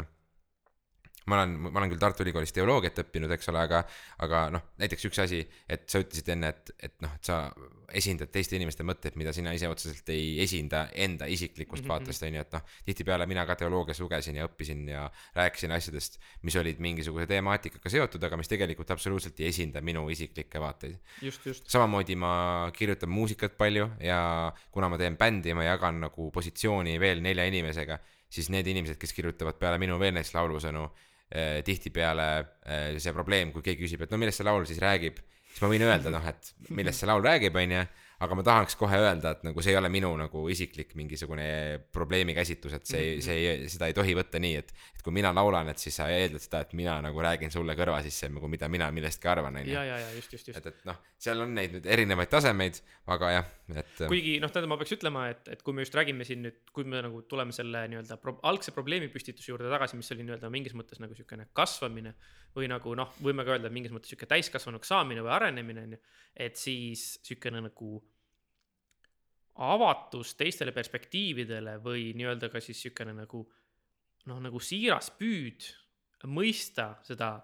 teist inimest või mõista neid, neid vastaspooli või noh, nagu siis neid, neid, neid erinevaid seisukohti. et ma, ma, ma ikkagi ütleks, et see on nagu minu, see on nagu pigem mul niisugune uus, uus omadus mulle, et et noh, teismelisena ja isegi võib-olla ülikooli esimestel aastatel see ei olnud niisugune see on niisugune asi või niisugune omadus, mida mul või oskus, mida mul nagu siis oli. et, et ma olengi, ma olin, noh, nooremana ma olin palju rohkem sedasi ikkagi, et noh, nagu, et ma tean, mis on hea ja õige ja, ja nii on ja seda teeme ja, ja kõik, kes nii ei arva, kas siis eksivad et selles mõttes, et ma olin nagu palju nagu palju-palju rohkem enesekindlam selles, et mul on nagu välja mõeldud, ma tean, mis on, et ma olen, ütleme nagu alles võib-olla viimase viie aasta jooksul või nii hakanud nagu rohkem nagu liikuma selle poole, eks, et äh, noh, nagu nii-öelda kutsuma seda, et, et noh, nagu, aga räägi mulle, miks sina arvad või et üt, ütle mulle, miks mina eksin. Või noh, nagu selles mõttes, et noh, kutsuda nagu rohkem seda niisugust äh, diskussiooni osa äh, esile. Ja sellega seonduvalt ma arvan, et nagu üks niisugune asi, sest noh, kui sa selle teema üles püstitasid, siis ma hakkasin nagu mõtlema, et tõepoolest, et, et mis on nagu mõned niisugused noh, ma ei tea, niisugused veendumused või, või oskused või, või omadused, mida ma saan öelda, et näed, et ma olen neid kuidagi nagu kasvamise käigus saanud mm.. et siis üks selline asi on kindlasti niisugune nagu siis mm, võime või ütleme siis äh, noh, selline suhtumine, et kui sa tead, et sa oled eksinud, siis tunnistada seda, et teisel inimesel oli õigus. et noh, loomulikult on see, eks, et, et ütleme, et, et on mingisugune küsimus, milles, milles meie kaks ei ole ühel nõul. ja, ja me, me vaidleme ja me esitame oma seisukohad ja me ütleme, et näed, mina ütlen, et A ja sina ütled, et B. ja siis noh, hiljem ma ei tea, mis iganes siis, kas, kas päriselu kogemus ütleb meile või, või me vaatame raamatust järgi või, või mida iganes, on ju. ja siis selgub, et sinul oli õigus. et siis ma arvan, et noh, nagu on tegelikult on alguses päris raske nagu hiljem seda tunnistada ja seda ka nagu tunnistada näiteks nagu kolmandatele isikutele, et siis näiteks kui, kui nüüd järgmisel saatel lindistame koos Jörgeniga, siis me ütleme, et näed, ma ütlen Jörgenile, et näe, me Mattiasega eelmine saade vaidlesime, et kas A või B on ju, ja mina ütlesin A ja Mattias ütles, et B ja näe, hiljem selgus, et Mattiasel on õigus. et noh, nagu see tegelikult alguses ei olnud väga lihtne teha, aga nagu ma, ma olen nagu püüdnud seda teha, et siis ongi nagu ikkagi see, et nagu tunnistada seda, kui teistel, kui teistel on õigus ja tunnistada seda, kui sa eksid, eks. aga noh, loomulikult selles momendis, kus sa arvad, et sul on õigus, sa peaksid ikkagi mingis mõttes noh, nagu püüdma endale kindlaks jääda, aga siis, kui sul nii-öelda antakse uusi asitõendeid, siis, siis ma arvan, et seesama konkreetne näide läheb võib-olla sinna kohta välja, et milline on sinu kodune kasvatus, kui sa oled päris väikene poiss või väikene tüdruk, tüdruk, kui keegi kuulab, et äh, kui äh, sa oled mänguväljakul näiteks, oled paariaastane, eks ole, ja teil on mingisugune, mingisugune sõgelemine mingisuguse, ma ei tea, liivalossi või mänguasja pärast, on ju, et kellel on ägedamad äh, tossud või uhkem, ma ei tea, mingi mänguauto. Ja kui sa umbes oled üleolev ja, ja kui äh, sa oled äh, noh, nagu lapsed on, eks ole, ja kui Jah. su, kui su ema või isa tuleb ja sekkub sellesse ja ütleb sulle, et hei, see ei ole ilus käitumine, nüüd me vabandame, kui me kedagi ründame, siis on äh, ilusti vabandame, eks ole, teeme, teeme selgeks, et mis nüüd juhtus ja, ja miks, miks sina tunne, tunned nii ja miks sa tegid nii ja, ja miks tema ütles selliseid asju ja, ja nüüd püüa aru saada ka tema olukorrast, et temal ei ole võib-olla eh, emal-isal nii palju raha, et seda mänguautot talle osta, on ju, ja sul, nüüd sina ei tohi siinkohal siis nagu tema ees uhkustada ja teda parastada, et tal ei ole võimalus näiteks mingisugune noh, asi saada, eks ole. ja ma arvan, et see konkreetne eh, alus tekitab juba selle põhja, et sa hakkad sümpatiseerima inimestega rohkem ja siis sa hakkad nagu ka ise ütlema, et hei, kuule, ma vabandan, et ma tegelikult vist astusin siin kohas üle piiri või ma siin eksisin, vaata. ja sealt edasi tuleb see koht siis, kus sa võib-olla kasvad ülesse, võib-olla suudad juba siis konflikte ära hoida sellega, et sa oled võib-olla analüütilisem kui võib-olla keskmine sinu vanune onju. ja siis, ja siis ongi see moment, kus ütled ühe asja, saad teada, et tegelikult ütlesid või tegid täiesti valesti ja siis lähed pärast tagasi, ütled kõigi ees, et hei, et ma tegelikult tegin täiesti valesti ja, ja ma tunnistan viga ja ma tahan sellest õppida ja mulle väga meeldib see, et, et nüüd ma sain aru ja nüüd me liigumegi edasi palju paremini. ja siis kõik inimesed ütlevad, et ah, see on väga tore, onju. Keegi jah. ei ütle sulle tavaliselt mingit, näe, sa oled nüüd loll, mingi lükkame su näo, nägupidi kuskile lompi ja lööme sulle jalaga vastu perset nagu. aga kas, kas sina nagu, noh, see, mida sa just praegu kirjeldasid nagu selle, selle, ütleme, et lapsed seal võib-olla on mingisuguses äh, lahkarvamuses või konfliktis ja siis tuleb lapsevanem, kes sekkub ja aitab nagu nii-öelda, nii-öelda juhendab lapsi selles, kuidas võib-olla käituda ja, ja, ja lahendada seda küsimust. et kas see on näiteks miski, mida sina mäletad, et sulle tehti, kui sina olid väike? Äh, ei mäleta ja minu põhjus on see, et äh, ma kasvasin üles sellises kodus, kus ma olin nagu vabakasvatusel ja tihtipeale üksinda, ma olin peres ainukene laps. minu ema oli tööl, minu isa oli tööl ja äh, olid siis nii-öelda need päevad ja õhtupoolikud, kus ma pärast kas lasteaeda või olin kas oma vanaemaga või olin sõpradega, eks ole, väljas mm. -hmm. aga mul ei olnud väga palju sellist ähm, noh, heli, helikopter ei tulnud minuga õue kaasa, kes nagu lendas mu pea kohal ja kui mingi värk juhtus, siis ta tuli maandus ja rääkis, mis nüüd juhtus, onju. Ja ma arvan, et paljudel kuulajatel, elanikel vist ei olnud, noh, see käibki niimoodi, et sa käid üksinda väljas mängimas ja, ja oledki teinekord üksinda kodus. aga kui sul on ikkagi mingisugune vend ja õde, siis on sul nagu ikkagi rohkem vend ja õde pärast nagu söögilauas räägib, mis ta tegi ja siis tuleb vaata argu-, noh, tuleb mingisugune diskussioon, et mm -hmm. ema-isa kuuleb, et aa, sa lõid teda, et oi-oi, vaata, kohe on teada, eks ole. minul ei olnud niimoodi, siis ma võisin teha mingisuguse lolluse, tulen koju, ütlen, et kõik on hästi onju, ütlen mingisugust infot, mida ma tahan nagu oma vanematele anda, mu vanemad on nagu, et aa, väga tore, tore, et sul nii läks, onju. et, et jah, aga kui näiteks koolis tuli pahandus, tehti päevikusse märkus, eks ole, siis sealt tuli see välja. et, et, et mina õppisin seda, ma ütlen võrdlemisi hilja, et, et, et kuidas olla natukene rohkem nagu sõbralik teistega või et rohkem äh,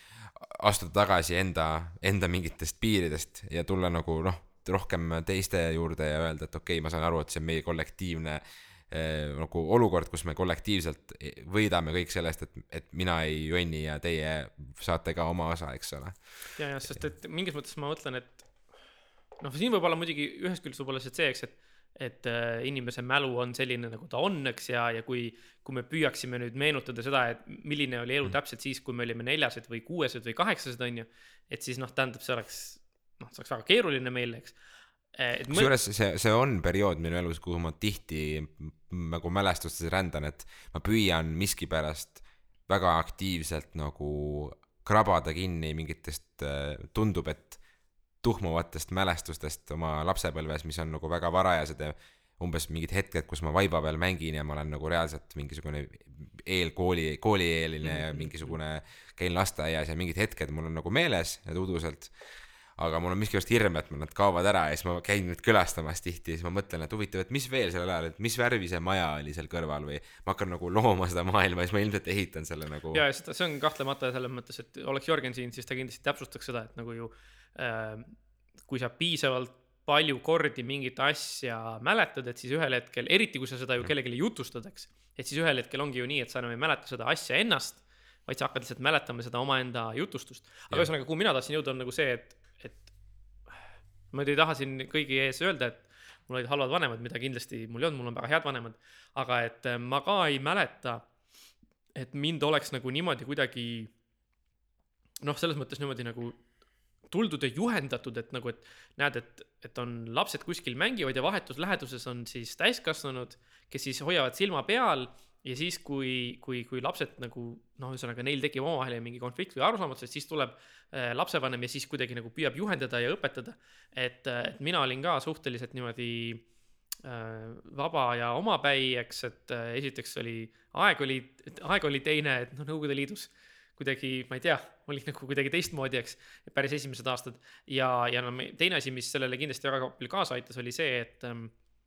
see lasteaed, kus ma käisin, oli noh, meie majast oli ta tõesti,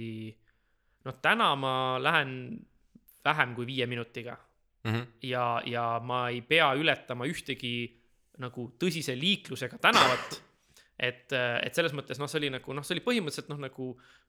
noh, justkui nagu kõrvalmajas läbi väikse pargi, et noh, selles mõttes see nagu lasteaeda minemine ja sealt tulemine oli nagu noh, niivõrd lihtne oli seda üksi teha ja seetõttu oli vanematel nagu lihtne anda see kohustus nagu ainult minu enda kanda, eks. ja siis sealt noh, nagu ongi see, et see ümbruskond oli siukene ka siukene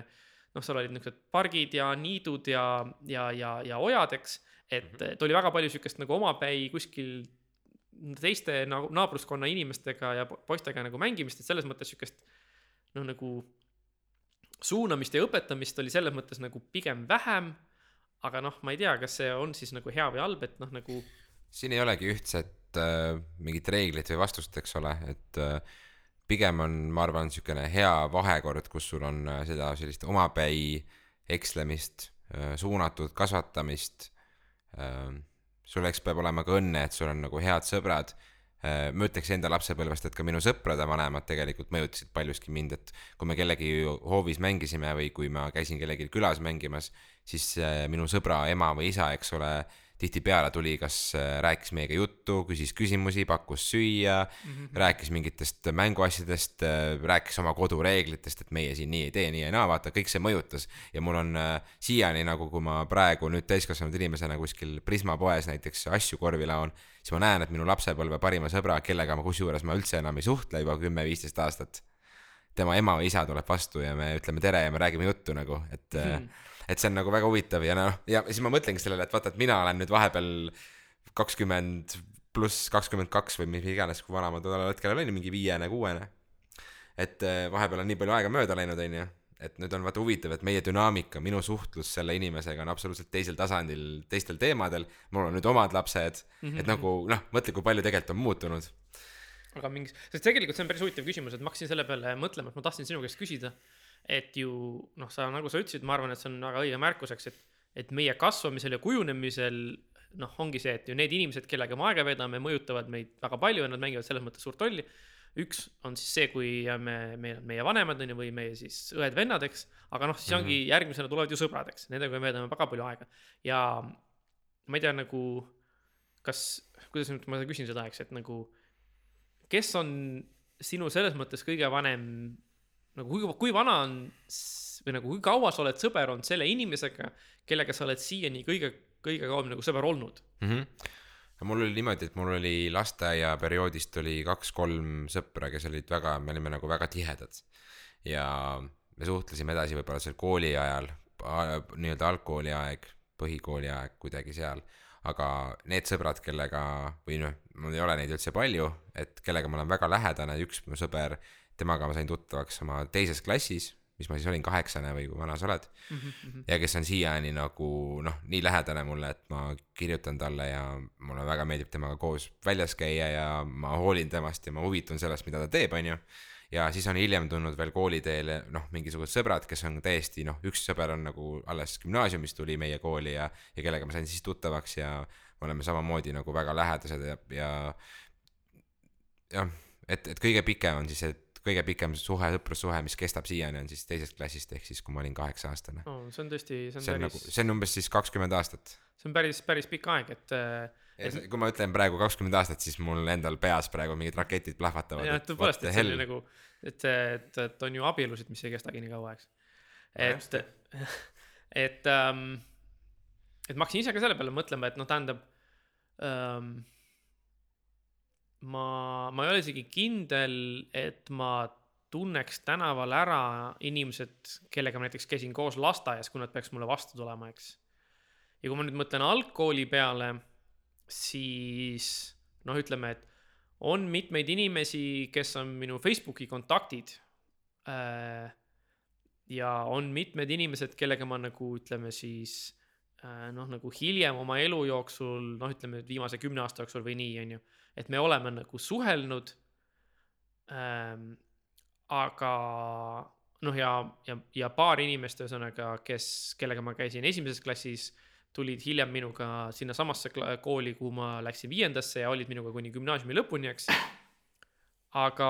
ma ei saa, ma ei saa öelda, et ma oleks mõnega neist nagu siukene nagu noh, siukene nagu tõeliselt nagu niisugune lähedane hea sõber selles mõttes, et noh, me nagu suhtleksime pidevalt ja palju.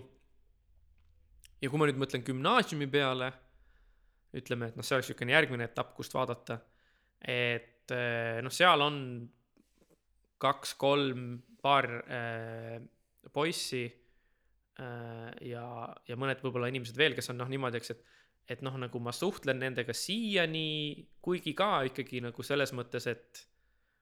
noh, võib-olla me näeme kaks-kolm korda aastas, eks. ja siis edasi juba tulebki nagu ülikooli ajal saadud tutvused ja sõbrad, eks. et aga nemad on osaliselt nagu sa oled nagu ütleme noh, näiteks et mõ- mõni nendest inimestest, kellega ma ülikooli tulles tutvusin, on nagu see, et nüüd on nagu mu kolleegid, eks nad on noh, sama koridori peal, et on mingis mõttes see suhtlus on nagu paratamatu, on ju. või kui ma mõtlen selle peale, et, et on ju inimesed, keda, kes olid minu õpetajad, kes on nüüd minu kolleegid, et noh, me oleme nagu olnud suhtluses kogu aeg, eks. aga noh, siis, aga see on ka juba niisugune, et, et sellest on siis, täna on kaks tuhat kaheksateist, sellest ka juba üle kümne aasta, eks. Et ähm,, et noh, võib-olla, võib-olla mingis mõttes, kuidas öelda, ma olen nagu lasknud käest võimaluse äh, olla mõne inimesega nagu niisugune nagu tõeline sõber eluaeg. et, et see on nagu niisugune asi, mida ma olen nagu noh, eriti just nagu lapsepõlvest alates, eks see on, see on nagu võimalus, mille ma olen lasknud käest. kas sa tunned, et sa kahetsed seda või ei Eh, saa seda nii võtta? vot see on nagu jah, vot siin on nagu esiteks on see nagu see, eks, et ähm, et noh, nagu sa iseenesest ütlesid selle, selle kohta, eks, et ei, ei saa öelda, et mis on, mis on hea ja õige viis siis nagu seda inimeste kasvatamiseks ja nagu mm, -hmm. et ähm, kui mina oleks siiani, kui mina oleks olnud sõber teistmoodi teiste inimestega, siis mina siin praegu ei oleks see, kes ma olen, eks. ja niivõrd, kuivõrd mulle meeldib olla see, kes ma olen eh, nende praeguste suhete ja nende praeguste, ütleme, kogu, kogu selle elukrempliga, siis ma ütleks, et see on hea, et ma tegin need valikud nii, nagu ma tegin, eks. aga teisest küljest on see, et ma ei saa ju kunagi teada, kas mu elu ei võiks olla parem, eks. võib-olla halvem. või, või võib-olla halvem jah, aga no üks asi, mis ma hakkasin mõtlema, oli nagu see, et ähm, et kui ma mõtlen näiteks tagasi oma just nagu põhikooli algusele, et niisugune nagu viies-kuues, ütleme kuni kaheksas klass või niimoodi. et äh, siis meil oli seal üks niisugune nagu punt poisse, kellega ma väga palju veetsin aega koos. ja, ja noh, nagu selles mõttes on mul ju hea meel, eks, et nagu et mul olid need aastad äh, nende inimestega, noh, ja selles mõttes mul olid mingisugused kogemused, mida mul muidu ei oleks ja mingisugused asjad, aga nagu noh, ühtlasi oli ka nagu see, eks, et noh, me tegime lollusi ja tegime pättusi ja noh, tarvitasime alkoholi alaealistena ja nii edasi, onju. ja siis mingis mõttes on nagu see, et aga ma täna ei ole enam nende inimestega lähedane, ei ole nendega sõber, selles mõttes, et noh, nagu see ei ole see, et me oleks nagu vaenlased, aga me lihtsalt nagu ei, ei suhtle, onju, eks mm. -hmm. ja siis ongi nagu see, et mingis mõttes on nagu kahju, sest et äh, noh, nagu kui need, need ütleme, niisugused seiklused ja, ja läbikäimised, mis meil oli, noh, ongi seal kolmeteist, neljateist aastasena, et no kui need oleks nagu edasi kestnud, siis on nagu noh, selle, nendel asjadel oleks kuidagi nagu suurem väärtus. et mingis mõttes on nagu see, et võib-olla oleks olnud noh, nagu parem või, või vägevam, kui ma oleks juba tol hetkel hakanud rohkem suhtlema nende inimestega, kellega ma täna rohkem suhtlen. et, et selles mõttes siis oleks nagu mul nagu nende sõpradega veel pikem ajalugu. et, et selles mõttes sealt nagu tekib mingis mõttes niisugune nagu see lisaväärtus sellest, eks, et sa oled kellegagi kaua aega olnud sõber. ma tulen sellest teemast natukene nüüd välja, tulen äh, väga sellisesse lihtsasse igapäevasesse olukorda, mida ilmselt kõik kuulajad on ka kogenud, et äh, ütleme, sa oled toidupoes pärast tööpäeva ja ma ei tea, toidupoes kõnnib sulle vastu nüüd see inimene, kellega sa võib-olla suhtlesid algklassis või kellega sa enam nüüd väga pikalt ei ole suhelnud, eks ole mm. -hmm. kui suure tõenäosusega te teadvustate üksteise möödumist ja ütlete tere, et minu, minu kogemus, mis mind väga häirib ja mis mul isegi juhtus see nädal, oli see, et äh, ma nägin ühte vana klassikaaslast ja niipea kui ta märkas mind, siis ta surus pilgu alla ja tegi nägu, et ta ei näinud mind mm.. ja siis mul oli imelik, sest ma tegelikult oleks tahtnud talle tere öelda, aga. Ja, ja tegelikult ka samal lähiajal juhtus veel teine kummaline lugu, et, et minu lapse lasteaia üks kasvataja või õpetaja, kes oli väga tore ja kellega ma väga palju seal koridoris rääkisin juttu äh,, alles kaks aastat tagasi äh,, kes läks ära, siis läks teise eluala peale tööle, tuli mulle ükskord ka kaubamajas vastu ja samamoodi tegi samasuguse lükke, et, et siis noh, mul oli, mul oli nagu väga imelik, et ma mõtlen, et issand, et kas ma ise olen nagu imelik, et ma tahan inimestele tere öelda või et noh, et ma ei taha mingit small talk'i teha sinuga seal poes, et ma lihtsalt ütlen tere ja kõnnin edasi, et ma ei hoia sind kinni, vaata. aga et noh, et kus see sinu jaoks, sinu kogemusel see piir jookseb, et kas teie ütlete teretate ja olete nagu. ma võiks öelda nagu sedasi, et siin on nagu üks lugu, mis ma, no see ei ole nagu, nagu lugu, aga nagu see on üks asi, mida ma teinekord teadlikult teen, on nagu see, et vaata noh, poe puhul see võib-olla nii väga ei teki, aga, aga nagu ähm, linnatänava peal, kus on nagu rohkem ruumi. et see, see probleem nagu mingis mõttes tekib, et see on, see on nagu asi, mis niisugune nagu, kuidas öelda, niisugune nagu minu suutmatus tulla toime teatud sotsiaalsete situatsioonidega. ehk et see probleem minu jaoks seisneb selles, et sa näed, no võtame siitsamast Tartu näite, sa kõnnid, sina kõnnid Raekoja platsilt alla jõe poole teine inimene kõnnib jõe poolt mööda Raekoja platsi üles nii Lossi tänava, Lossi tänava poole, nii. ja nüüd on nagu see küsimus, eks, et, et sel-, ilm on selge, kedagi, võib-olla inimesi on piisavalt vähe, eks, et mis on see vahemaa, kust maalt on okei okay öelda tere Mm -hmm. et nagu, mis on see vahemaa, mis on liiga hilja, et kui sa inimest ei pannud tähele, siis on juba naljakas, et miks sa, miks sa talle tere öelnud ja nagu noh, sa ei saa talle ju üle Raekoja platsi hõigata tere, eks ja siis ongi nagu see, et seal, seal kuskil on see normaalne vahemik, kus on nagu see, et nüüd ma siis nagu teretan või teavitan või nagu teadvustan sinu kohalolu. ja minul ongi nagu see, et, et kui ma kaugelt näen, et see inimene tuleb ja ma juba kaugelt näen ta ära ja võib-olla tema näeb kaugelt minu ära, et siis on nagu see, eks, et kas me peame siis nüüd vaatame üksteisele otsa kogu selle tee, kuni me jõuame selle maa peale, kui on normaalne teretada. üliimelik, onju. jah, et nagu ja siis on see, et kas ma siis vahepeal vaatan kuhugi mujale ja ootan kuni seda hetke, et siis ma ootan, et nüüd meil pilgud kohtuks, et selles mõttes, et minu jaoks on see nagu, see on nagu tegelik probleem nagu. ja, ja ma täiesti teadlikult äh, mitmetes olukordades teen nii, et kui ma märkan tuttavat inimest kaugelt tulemas, kes on tõesti niisugune nagu kaugem tuttav äh,, siis kui ma märkan teda piisavalt kaugelt, et on tema jaoks võiks olla usutav, et ma teda ei märganud, siis ma nagu teadlikult äh, suunan oma pilgu kuhugi ära, kas siis oma telefonisse või vastu maad äh,. et ma ei peaks nagu sellega tegelema, aga samas on see, et kui tema siis minu poole pöördub, et siis ma ikkagi alati nagu tähendab, teadvustan tema kohalolu ja teretan teda vastu, et ma selles mõttes noh, nagu mingis mõttes on see, eks, et, et põhjus, miks ma seda kontakti väldin on see, et ma ei oska seda, ma ei tea, kuidas seda kontakti nagu mingis mõttes äh, praktiliselt läbi viia. et see on see nagu, ma ei tea, ma ma, ma, ma ei ole kindel. see on selline nagu argipäevane kohmekus just, kohati. just, just, just, just, et äh, see on see, aga tähendab, mis puudutab, ütleme minu niisuguseid võib-olla lasteaia, no lasteaia inimesi tõesti, nagu ma ütlesin, ma ei ole kindel, et ma neid nägupidi ära tunnekski enam. kui, mis puudutab minu algkooliaegseid koolikaaslasi eh, või klassikaaslasi, siis on niimoodi, et noh, kuna ma käisin Pärnus koolis, siis ma ei eelda, et neid siin Tartus väga igapäevaselt liigub. Mhm. nii et äh,, nii et see nagu selles mõttes ei ole minu jaoks küsimus ähm,. no ma kujutan ette, et äh, ma võib-olla tõesti väike peanoogutus, eks, aga, aga jah, et mingis mõttes on kuidagi nagu see, et nüüdseks on enamik neist noh, mingis mõttes nad on ju nagu võõrad inimesed, eks. et mul ei ole nagu justkui nagu mingis mõttes väga põhjust äh, Jah, nagu rohkemaks pole-, pole- rohkemaks. jah, ma saan aru, ega siin ei ole ka jällegi, me jõuame jälle sellesama mõtteni, et noh, siin ei olegi mingit kindlat reeglit, eks ole, vaid pigem ongi see, et kui ma küsisin, kuidas sina oled nagu enda jaoks neid olukordi lahendanud või siis jätnud lahendamata või lihtsalt just, eriti Et- kuna inimestel on väga erinevad nii-öelda vajadused sotsiaalsele suhtlemisele ja ma ütleks, et nagu ma tean, et nagu minu nii-öelda see lävi, kui palju sotsiaalset suhtlemist ma vajan ja kui palju Mhm. ma talun, on äh, pigem madalad. jah, ja kusjuures mina olin, see on huvitav, et kui ma sain kaks tuhat kaksteist september sain isaks ja siis mul tuli väga pikk periood, kus ma olin kodus, ma olin töötu, ma olin umbes neliteist kuud olin töötu, üks periood oli mul ka laste sünni vahetult pärast seda.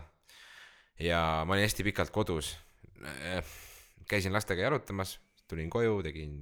koduseid toimetusi, läksin magama ja olin nagu sellisest nagu tööl käimise ja koolis käimise ja peol käimise ja baaris käimise, kõigest olin täiesti väljas ja enne seda ma olin väga aktiivne ja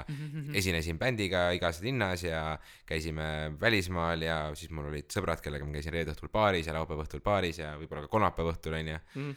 ja, ja siis järsku oli selline elumuutus ja siis umbes mingisugune kaks aastat ma või noh, poolteist aastat, siis ma olin selles, olin selles eraklikus peidus, peidus elus. ja kui ma sealt nagu välja tulin, siis ma ei julgenud enam äh, tänavale minna, nagu ma ei julgenud õhtul välja minna, ma vaatasin kogu aeg üle õla, et ma kartsin, et keegi ütleb mulle midagi või et ma olen nagu milleski süüdi järsku, et ma olen midagi valesti teinud. et, et äh, mul oli väga suur lihtsalt nagu ärevus, lihtsalt no tagantjärgi ma olen aru saanud, et mul oli lihtsalt ärevus, ma mõtlesin ise selle maailma endale nagu välja selliseks ründavaks. Ja ma kogu aeg mõtlesin, et ma tahaks juba koju tagasi saada, aga ma tegin meelega endale seda, et ma nagu õpiksin jälle suhtlema inimestega väljaspool kodu, et et ja siis ma sattusin siia voogu tööle, kus ma pidin hakkama nagu välismaalastega telefonis ja meilis suhtlema ja siis ma ütleks, et esimene aasta ma nagu lihvisin enda kirjad, kirjutamisoskust ja sellist nagu ka psühholoogilist oskust inimestega erinevas olukorras, pingeolukorras vestelda. Ja nüüd äh, neli aastat hiljem ma tunnen, et ma olen saanud nagu, ma olen nüüd nagu kala vees, et ma saan võõraste inimestega avalikus, me teeme iga nädal saadet, eks ole mm, -hmm. ma kirjutan mingeid artikleid, ma kommenteerin kuskil ja ja nüüd ma olen nagu järsku kogu aeg mingisugune noh, jutumärkides keegi, kes on kellegi ees nagu mingisugune noh, ma ei ole avaliku elu tegelane, aga, aga siiski ma olen andnud teadlikult nõusoleku enda arvamust ja ennast avaldada ja igal oma pool. isiklikku elu, eks. just, ja, ja Et- selles mõttes see on, et, et ongi see, et noh, mis mina tahan öelda, on see, et kui ma näen mingisuguseid tuttavaid, see on väga huvitav, et nad ütlevad mulle näiteks midagi selle saate kohta või ütlevad mingisuguse saate ko- teema kohta, mis ma rääkisin, et tead, ma Mattias, noh, tuleb keegi, ütleb, et tead, Mattias, ma siin kuulasin, et ma mõtlesin selle, selle asja üle, mis sa seal saates rääkisid, et ma teeks seda hoopis nii ja siis ma olen nagu, et mul on jumala äge meel, et sa nagu hea meel, et sa kuulasid seda ja ma olen väga nõus sinuga või ma ei ole nõus ja me saame mingisuguse asja üle rääkida. aga, aga see ongi see, et, et, et minu jaoks ma olen tähele pannud need eh, juhu või mitte juhututtavad, aga sellised noh, lapsepõlvetuttavad, kaugemad tuttavad, nendele tere ütlemine kaasneb tänu sellele, et ma olen väga palju elanud nagu sotsiaalmeedias igal pool väljapoole annab nagu aluse võib-olla rohkem mind nagu, mind menetleda, sest et ma tihtipeale teiste inimeste, kes on nagu privaatsemad, nende toimetamist tea, ma võin küsida, et noh, et kus sa siis töötad ja oled ikka Tartus või need on need sellised generaalsed küsimused, mida tegelikult keegi väga ei taha. et see on see, et nagu noh, et noh, mida, mida ma siin räägin sulle, et ma töötan mingi kuskil kuradi onju siin ja seal ja, ja võib-olla käin Pärnu vahet või käin Tallinna vahet onju. Et see on niisugune nagu jälle see small talk nagu, aga samas mul on väga lihtne nagu peale lennata, öelda, et kuule, tead, Mattias, et sa ütlesid seal niimoodi ja nüüd on just noh, just just et- et ja see avab minu jaoks nagu mõnes mõttes nagu ka siukse äreva nagu põhjuse, miks mitte öelda tere, aga samas nagu ma püüan just sellele vastu tulla, et ma olen teadlikult andnud nagu näpu kuradile, et et ma olen keegi, kes räägib ja avaldab midagi ja nüüd ma olengi avatud sellele, et keegi teine ütleb mulle midagi, kas ta on mu vana tuttav või võõras isegi või noh, nagu ma ka ühes artiklis kirjutasin, et et mul on tulnud nagu toidupoes õhtul juurde üks inimene, kes ütles, et et kuulab mõtteainet iga nädal ja talle väga meeldib ja siis me rääkisime juttu, aga noh, võib-olla mingisugune paar aastat tagasi mina oleks nagu ära surnud sellel hetkel selle kätte, et mingi võõras inimene tuleb, räägib minuga juttu. et ajad muutuvad ja see, kuidas ma seda suhtlemist nagu kogen ja ise nagu käsitlen ka muutub suuresti selle, selle kogemusega, mida me siin tekitame, et mul on kaks küsimust. esiteks, kas see inimene, kes sulle toidupoes juurde tuli ja ütles, et ta kuulab mõtteainet, kas ta tundis sind ära näo järgi või hääle järgi? ta ilmselt tundis ära mind näo järgi, sest et ma olin üksinda poes ja ma ei teinud häält, et äh, mul olid isegi kõrvaklapid peas, et ta oli väga nagu nagu selline ründav, noh, selles mõttes nagu in- invasive nii-öelda, et ta tuli mõttes, minu kõrvale koputas mulle õlale nagu ütles tere ja selles mõttes oli üliäge. aga ma ei oleks kunagi osanud seda oodata, eks ole, et, et äh, ilmselt ta tundis mind pildi järgi ära. Tartu linn on ka väikene, ma olen tegelikult üsna veendunud, et samamoodi nagu kui mina tänaval kõnnin ja näen inimesi, ma tean, kes ta on ja mis ta teeb. ma ei ole ta tuttav, ma ei ole temaga võib-olla kunagi ise nagu sõnu vahetanud lauseid, et äh, ma, ma näen lihtsalt, et noh, teisel pool tänavat kõnnib mingisugune inimene, kes töötab näiteks Raadio kahes või keegi, kes töötab äh, seal poes teenindajana või seal mis iganes, et ma tegelikult olen kuidagi nagu näinud seda inimest ja mulle jääb meelde, eks ole. Siis ma noh, mul on ikkagi mingisugune mõte temast, et aa huvitav, mis ta, kas ta teeb nüüd seda juba või on ta sealt edasi liikunud ja nii edasi, et või ma näen umbes, et on mingi tuttav, kellegi, kellegi tuttav inimene ja siis ta vahepeal umbes nagu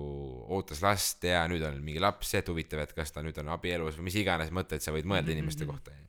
aga et noh, sama on siis nagu nii-öelda minu, minu puhul, et noh. sa oled ka nagu, nagu mingis mõttes, sa oled pannud ennast sinna avalikku ruumi ja et Jah. tõenäoliselt leidub inimesi, kes siis et, et see oleks huvitav, et, et kui ma kõnnin näiteks töölt koju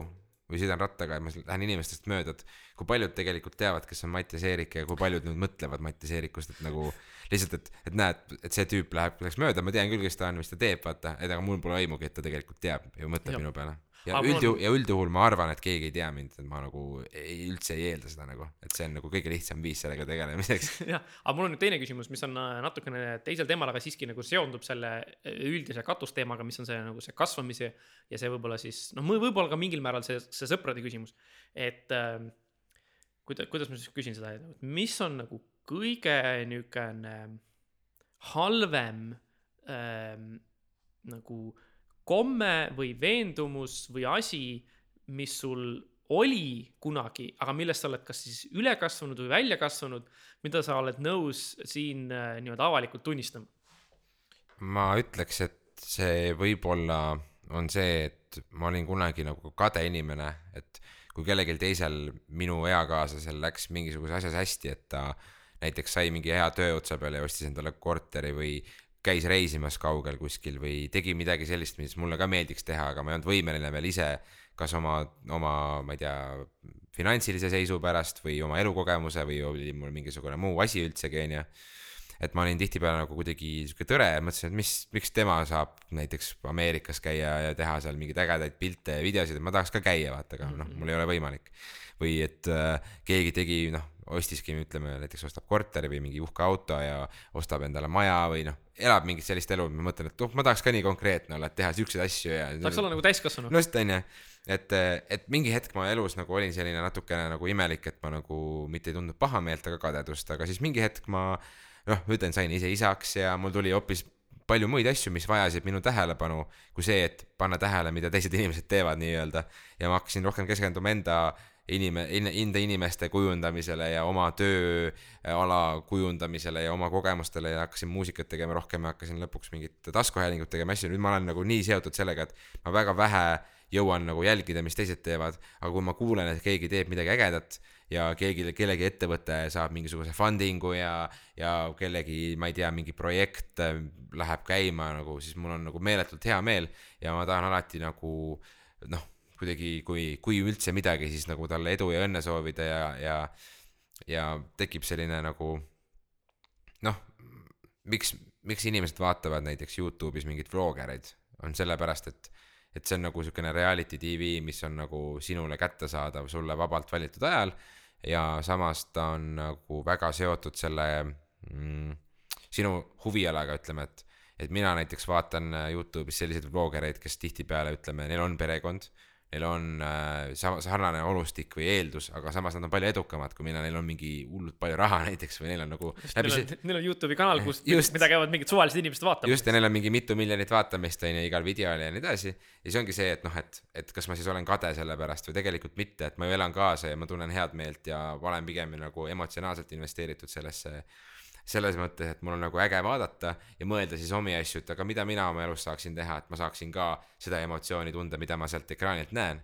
kui et see, et ma mõtleksin, et kurat, nüüd vaatasin jälle mingi kakskümmend minutit mingit videot ja nagu muudkui nagu sõimasin terve aeg, et nagu noh, see ei ole normaalne ja see ei ole jätkusuutlik ja, ja ain't nobody got time for that nagu öeldakse. ja, ja, ja, ja um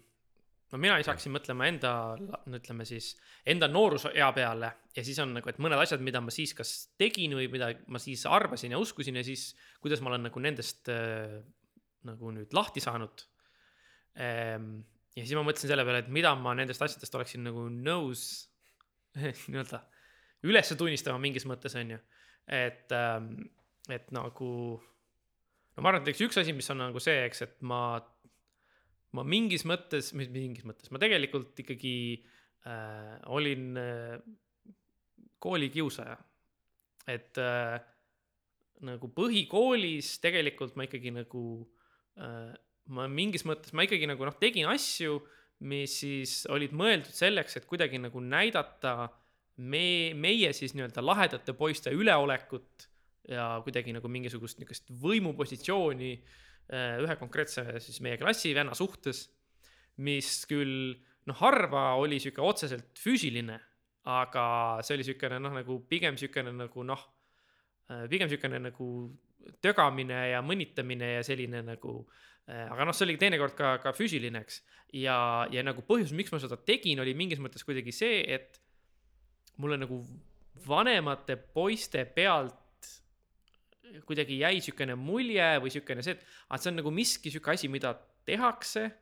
ja, või et konkreetselt nagu selle inimese puhul peaks seda nagu kuidagi tegema ja siis mingil hetkel see muutus nagu natukene niisuguseks ähm,.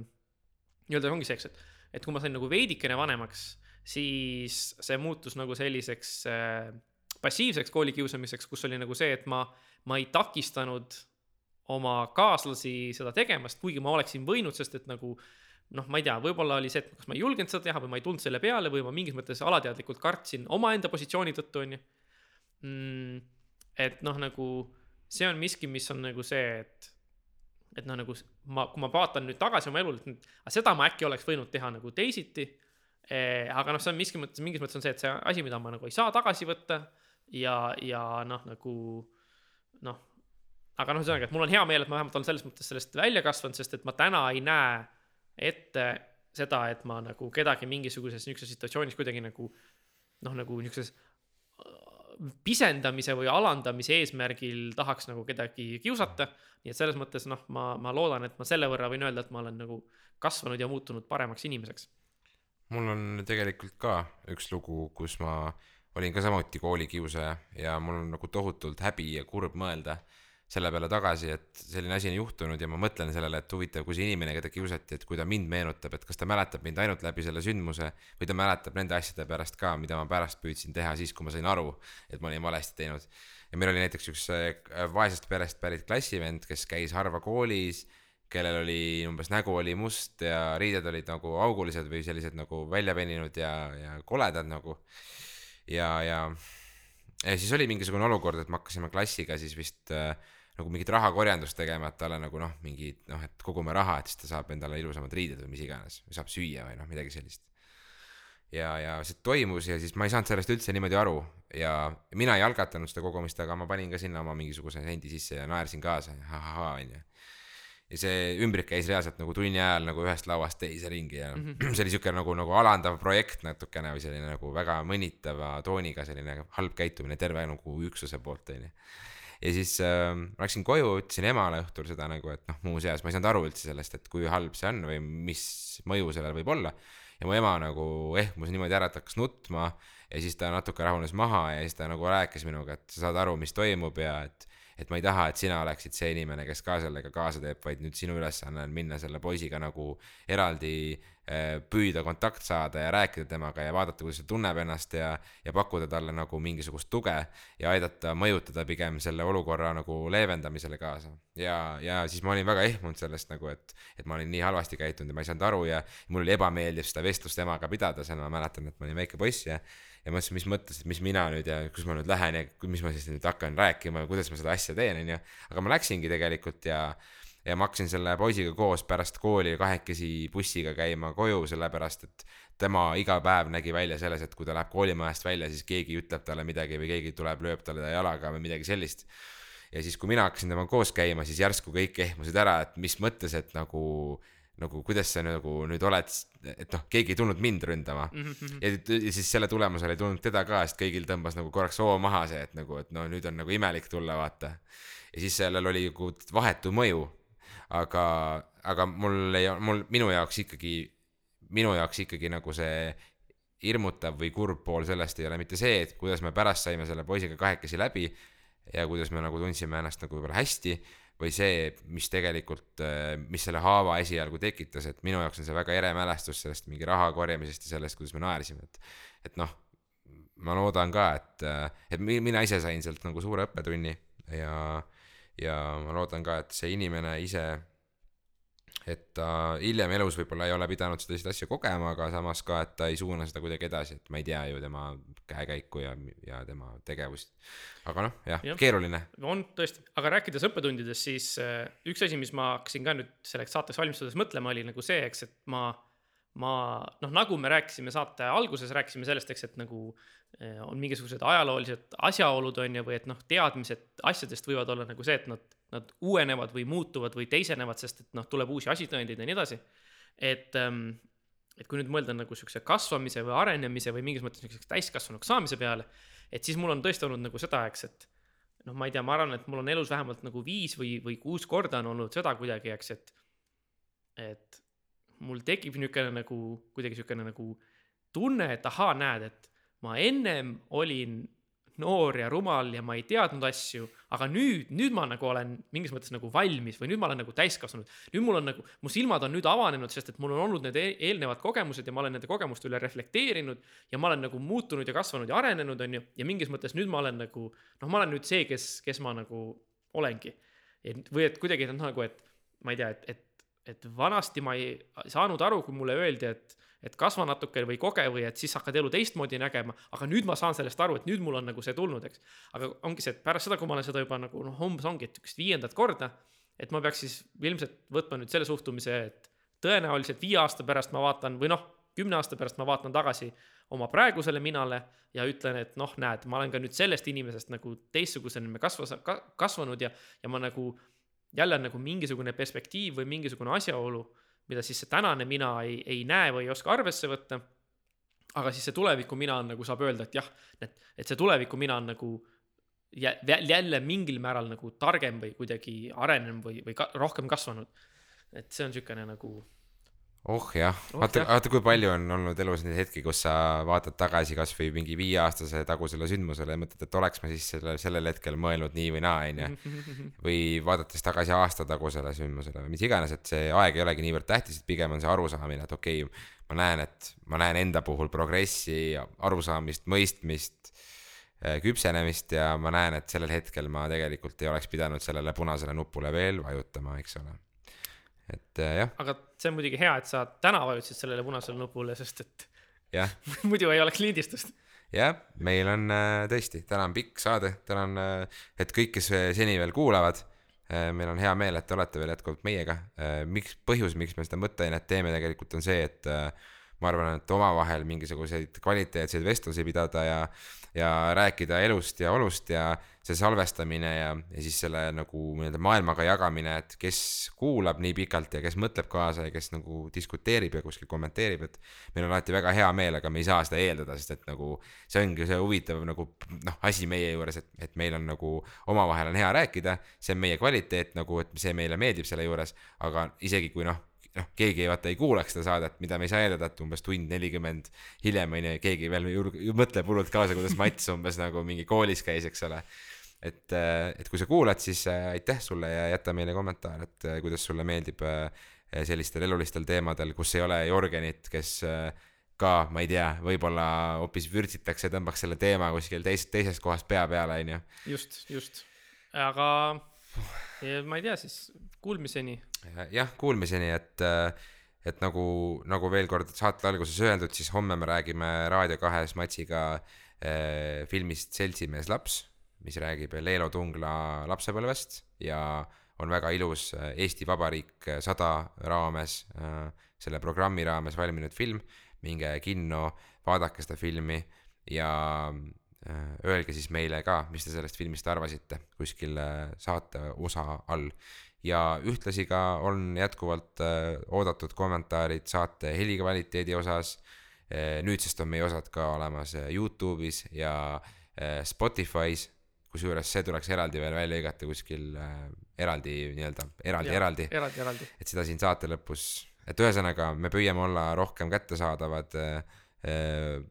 parema helikvaliteediga ja, ja vingemad ja see ongi meie tore väike hobi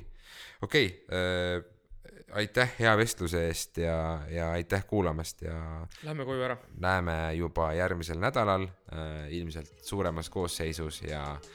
uutel teemadel. okei okay,, tšau, kõmm, nukid. no